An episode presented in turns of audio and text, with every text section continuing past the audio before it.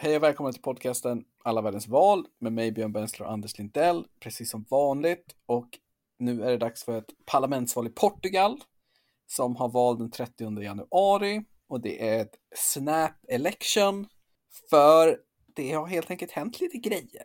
För den som har koll så vet de att vi redan varit i Portugal en gång. Det var i avsnitt två när de hade presidentval för ungefär ett år sedan. Då. Vill man eh, gotta ner sig i det så är det bara att lyssna tillbaks. Och då täckte vi lite av historien och så Anders. Och det, det kommer vi kanske inte fokusera så mycket på nu, eller hur? Utan nu Nej. kör vi. Varför är det val nu? Vad händer och sådär. Och då kan jag avslöja direkt att Anders har liksom tagit det här på ett stort allvar och dratt ner till Portugal nu. Ja, som Och- enda, som enda seriöst svenskt medium så har vi alltså en man på plats i, i Lissabon. Eh, han har inte snackat med någon eller läst en tidning eller så, utan han Jag är bara här för att känna av, vibba Han av energierna livestreamat en AIK-träning och tagit ett glas port. Så nu ska jag snacka om det. här. Eh, så, så är det. Men eh, om du börjar då, vad är det för liksom, varför är det val i Portugal nu och vad har de för system och sådär? Ja, nej men det man minns från, eh, från avsnitt två, va, vår, de trogna lyssnarna som är redan då, det är ju att det är ju ett väldigt, även fast man har en president så är ju parlamentet verkligen eh, maktbasen i Portugal. Och det som vi också pratade lite om då var att så här, det styrande partiet, socialistpartiet, ställde inte ens upp i presidentvalet för att man har haft ett så bra samarbete tycker man med den eh, högerpresidenten Marcelo Rebelo de Sousa som Ja, och- och att alla som gick upp i den andra omgången har alltid vunnit. Så. Ja, precis. Det var liksom lönlöst. Men man har präglat, man har haft en politisk kultur som har präglats ganska mycket av en harmoni mellan mitten högern och mitten vänstern, de här två stora partierna. Vi kan komma in på dem, på dem sen. Men, men man har då en, en eh, högerpresident, men en ganska stor vänstermajoritet i parlamentet har man haft sedan tidigare. Och egentligen skulle det bli val först nästa år, 2023, men i budgetomröstningen nu i eh, november så eh, misslyckades vänsterregeringen under eh, socialistpartiet att få igenom sitt budgetförslag. Och det gjorde man därför att det, det finns två hyfsat stora vänsterpartier utanför regeringen som helt enkelt röstade med högern mot regeringen. Och det var lite samma dynamik som typ det har varit i regeringskrisen i Sverige, att liksom vänstern var egentligen för regeringen men emot budgeten. Medan högern i, i Portugal var egentligen ganska nöjda med budgeten men ville avsätta regeringen. Så att man, liksom, man gjorde det och, och gick ihop där i, i en enda omröstning.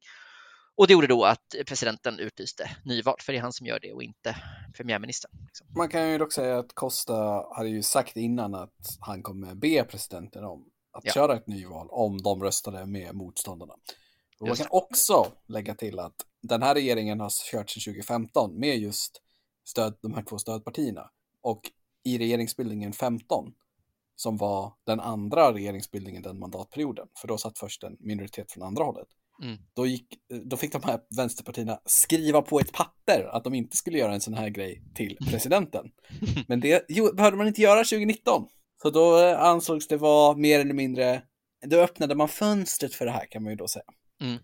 För de hade då inte skrivit på något papper. Och då får vi se om det blir ett papper nästa gång. Ja, just det, för det blir, Som det blir en ny regeringsbildning.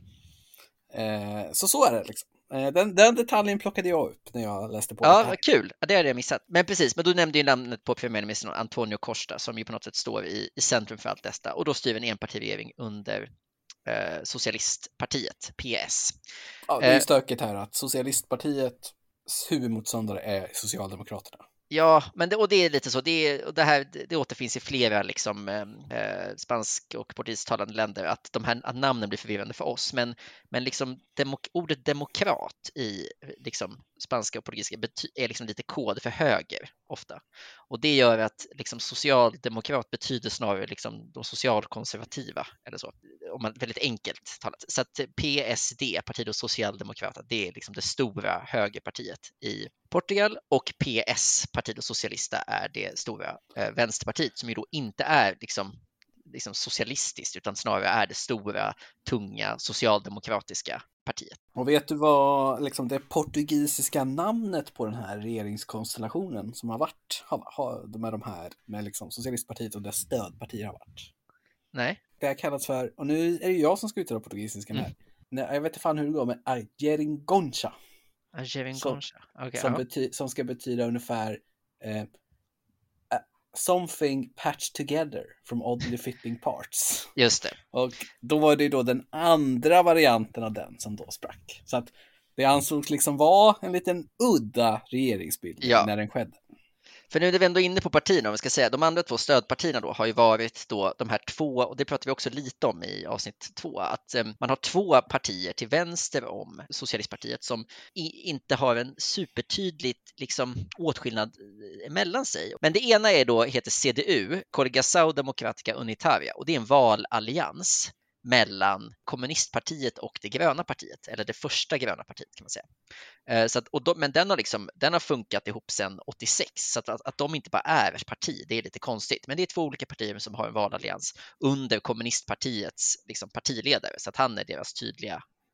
Ja, men det är ju där jag tror att det är liksom eh, att det är här skillnaden ligger. Att Mm. ledaren för BE, Ja, precis, som då är det andra, Izquierda, som är det andra Ja. vänsterpartiet.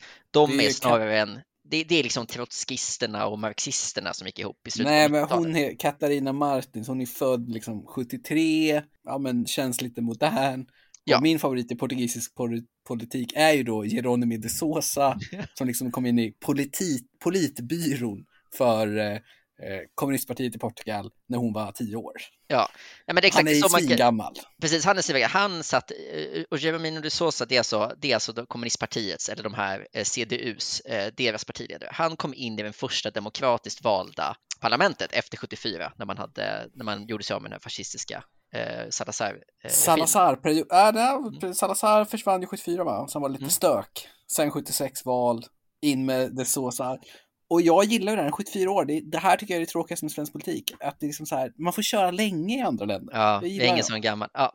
Ja. Så att, men precis, men exakt så kan man, så kan man beskriva skillnaden. Att det ena det de här känns som en BE generationsklyfta snarare. Ja, de är lite mer den nya vänstern. Liksom. Det är liksom, de beskriver, man kan säga så här, de beskriver sig som feminister. Det gör inte eh, CDU nödvändigtvis.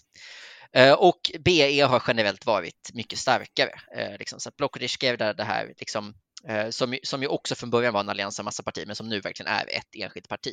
Och de har liksom inte, eh, du nämnde hon, henne Katarina Martins, hon eh, är liksom inte partiledare, utan hennes formella roll är koordinator för partiet. Och så. Ehm, ja, men, men det, det, är... det där är ju trams. Ja, men det, det, jag vet, det visste jag att du skulle tycka. Eh, Men i alla fall, det, det har varit liksom stödpartierna. Sen har man också ett, ett nytt grönt parti eh, som heter PAN, eh, Pessoas Animais Naturesa. Och de beskrivs allt mer som liksom den naturligaste koalitionspartnern för PS, alltså som är lätt, har lättare att samarbeta med dem. Men de är pyttesmå och har bara några mandat i, i parlamentet nu och eh, en liten spoiler, ännu kommer kanske rent av åka ur för att det går jättedåligt för dem just nu. Men det är de fyra vänsterpartierna då, som finns. Sen så finns det ju, um, det, det som liksom är intressant med Portugal, tycker jag, det är ju att, att, att man bryter med en del typ politiska trender i Europa. Och två saker som man då inte har haft har ju varit att man inte haft liksom ett klassiskt liberalt mittenparti, typ ett Centern eller Folkpartiet, och man har inte heller haft eh, någon, någon särskilt stor extremhöger. Det man istället har haft utöver då de här eh, PSD, det, det stora breda liberalkonservativa partiet, det har varit ett litet parti som heter CDSPP, eh, Centro Democratico y Social Partido Popular, väldigt långt. Uh, och det är typ liksom ett kristdemokratiskt, eller liksom lite mer socialkonservativt borgerligt parti som har funnits jättelänge och som alltid haft ett mer eller mindre formaliserat samarbete med de här PSD. Då. Så att de har funnits sedan innan. Men man har inte haft ett eh, något liberalt parti, man har inte heller haft ett högerpopulistiskt parti. Uh, och vi pratade ganska mycket om just att det började uppstå ett högerpopulistiskt parti inför presidentvalet, för det var, det var verkligen där som André Ventura lanserade sig själv och som då är partiledare för partiet Chega som, eh, som verkligen följer en tradition av liksom, klassisk europeisk extremhöger. Liksom. Ja, och han gjorde det ganska bra sist i presidentvalet. Ändå helt okej liksom. Eh, De, de är ändå på väg att göra ett bättre val nu än senast, men de har inte det här otroliga momentumet som högerpartierna har i vissa andra. Nej, precis. Man har liksom pendlat mellan några procent och typ 5 procent har ju varit generellt eh, där de har legat liksom, sen han kom in i parlamentet eh, 2019. Då. Ehm, och sen så har det också funnits, så har det också uppstått ett, ett annat litet parti som just är ett liberalt parti under eh, João Figueiredo som är liksom en 61-årig företagare men som försöker lansera sig, som, är, som är lite försöker ta samma de lite missnöjda högerväljarna, men snarare från liksom en ekonomisk högerpolitik än, än den här mer eh, främlingsfientliga politiken som Chega ändå använder sig av. Men man kan säga att Chega är, har, har liksom ganska roliga, liksom, trubbiga, systemkritiska slogans. Typ så här, eh, så här, nu är det dags för förändring och vi ska få systemet att skaka. Alltså det är liksom lite luddigt. Men ehm, eh, det, ja. det är gulligt. Ja, men okej, men så har det sett ut och det har varit väldigt liksom eh, stabilt. Alltså om man tittar på liksom sammanställningar av, op av opinionen senaste året så har det, liksom, det har varit liksom helt raka streck på alla de här partierna. PS, eh, alltså Socialistpartiet, har legat typ stadigt omkring 35. Eh, PSD där högerpartiet har legat typ stadigt 10% under och sen har typ alla andra legat omkring 5% liksom. Det har varit väldigt, eh, väldigt stabilt. Ja, det har verkligen inte hänt mycket alltså. Nej, och vi spelar ju in det här eh, lite senare än vad vi brukar. Vi brukar spela in en vecka före valet och nu spelar vi in det bara eh, tre, fyra dagar innan. Och eh, hade vi spelat in det här i söndag så hade vi sagt typ så här, gud vad tråkigt det här är. Det blir som, som det har sett ut att bli i ett år. Men bara de senaste dagarna så har det hänt väldigt mycket i opinionen. Eh, ja, det har hänt lite grejer verkligen. Mm. Det, det, måste man säga. Det har rört sig. Mm. Det man kan säga är att när man gick in i den här valrörelsen så behövde Antonio Costa och styrande Socialistpartiet, de behövde åtta mandat för att säkra en helt egen majoritet i Troligen. parlamentet. Typ 41-42 procent behövs för att få ja det är vad som krävs. Och man behövde vinna åtta mandat. Och, och mandatfördelningen är lite speciell, därför att generellt så kan man säga att, precis som du sa, man behöver alltså inte 50 procent för egen majoritet, därför att det finns, det är liksom med, räkningsmetoden man använder gynnar generellt de stora partierna. Så att man, man var hyfsat nära då att få in det. Och det, man pressade Antonio Costa på det, var mycket, det var liksom mycket journalistiska spinnet här i början av valkampanjen, eller valrörelsen. Eh, och han duckade lite grann och var så här, nej, men nu ska vi bara ha ett val vi, ska, vi vill ha en majoritet, vi vill kunna samarbeta med alla och duckade de frågorna om ifall de har.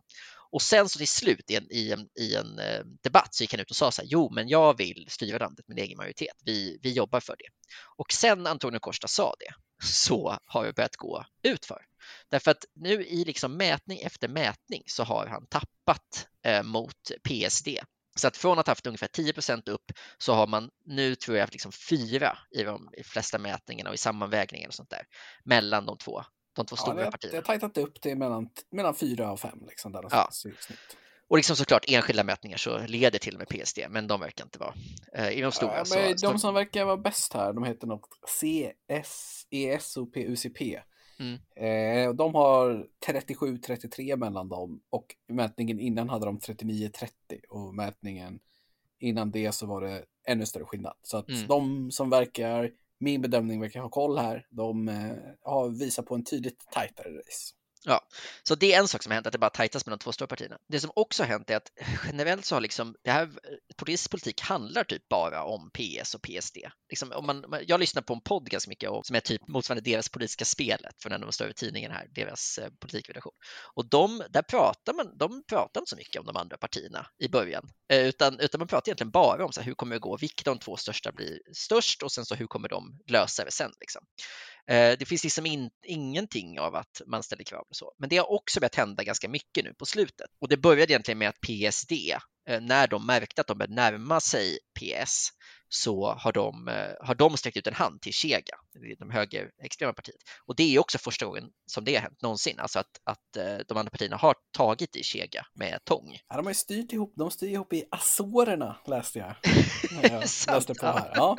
Så då, då är det Azorerna-modellen som Det är liksom deras, eh, Azorerna är deras Sölvesborg. Liksom. Ja, det vet jag fan, men det är ju där kanske tabun bryts i alla fall. ja. Ja. Så, så det finns ett exempel. Det finns ett exempel. Eh, ja, och... Jag läste typ samma som du, det var någon mm. professor i något eh, eh, ämne där som sa att det som var anmärkningsvärt var hur otroligt stabilt det politiska systemet har varit i Portugal de senaste, sen ja, jättelänge med två jättestora partier som bara fortsätter köra och PSD drabbades ju negativt i opinionen i sin mandatperiod 2011-2015 på grund av eh, den ekonomiska krisen som var mm. liksom och alla åtstramningar och grejer, att då tappade ju de väldigt mycket.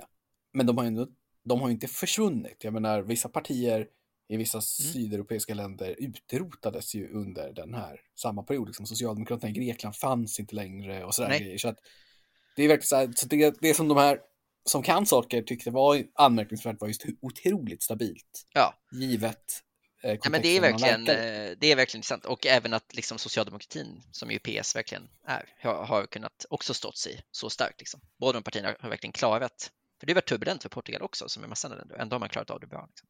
Eh, Och de här partierna har ju också kunnat samarbeta med varandra. Det ska också sägas, på 80-talet så styrde man i en, liksom en stor koalition mellan eh, det stora högerpartiet och det stora vänsterpartiet snar, istället för att ta in något av ytterparti, ytterkantspartierna. Så det har verkligen funnits en liksom stämning av att det är mitten av portugisisk politik som det händer. Liksom. Har du, har du någon koll på debatten då? Liksom, finns det några sakfrågor som har varit uppe? Ja. Eller? Ja, men jag har ändå jag har tittat en del och det är ju tyvärr, alltså det är väldigt, väldigt eh, inriktat på typ regeringsduglighet och, eh, och spelet, tyvärr. Det finns Alltså, ingen kärnkraftsdebatt eller något sånt? Nej, alltså det är väldigt svårt. Och sen har det varit en del med covid såklart, men där är det också lite otydligt för att känslan är att väldigt många partierna, alltså partierna själva till exempel, kampanjar ganska friskt på ett sätt som mer eller mindre liksom bryter mot restriktionerna. Och det är väl generellt en, en känsla jag har efter att ha varit här några dagar, att det är eh, liksom på pappret så finns massa restriktioner som ingen följer. Det är ingen som kollar ens vaccinpass när man går in någonstans och sådär. Så att det finns nog en, en liten covid-trötthet som, som gör att, att debatten blir lite luddig om covid. Eh, och samma sak om, eh, om ekonomin har ju generellt varit liksom, och det var ju det som, det var ju det som stora frågan som utlyste det här, att vänstern tyckte att, att eh, budgeten var för icke expansiv, liksom, att man borde satsa mer pengar i återstarten efter pandemin. Liksom. Så det är klart att det har ju varit en, en diskussion, men det har ju inte riktigt heller kanske, det har inte bjudits upp till dans från varken Socialistpartiet eller Högerpartiet. Liksom. När du kollar en debatt då, är det någon karisma på någon eller är det, är det lite... Det verkar ju varit otroligt många debatter när jag såg Ja, listan här. Det är väldigt lite- många och de tittar liksom, de, de kör väldigt mycket så här att de kör olika dueller, väldigt långa debatter.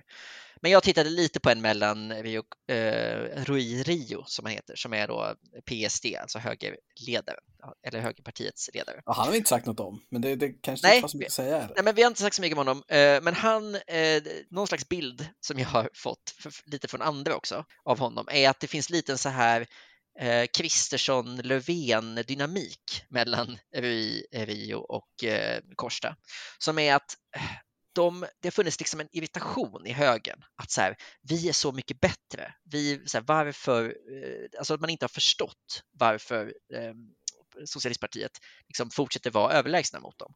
Och att man har varit ganska, gått ganska hårt åt i debatter medan Korsta har varit ganska så här lugn och samlad och bara vunnit utan att anstränga sig. Så det har liksom varit bilden från höger. Jag säger inte att den stämmer eller inte, men det, liksom, men det har varit väldigt mycket en liksom berättelsen om den politiska högern. Att så här, Rui, eh, Rui Rio är en eh, så här, duktig debattör, men han är typ lite kantig och inte så folklig. Medan eh, Korsta är typ lite mer sävlig och lite mer folklig och bara så här, valmaskineriet i Socialistpartiet kommer göra att de vinner.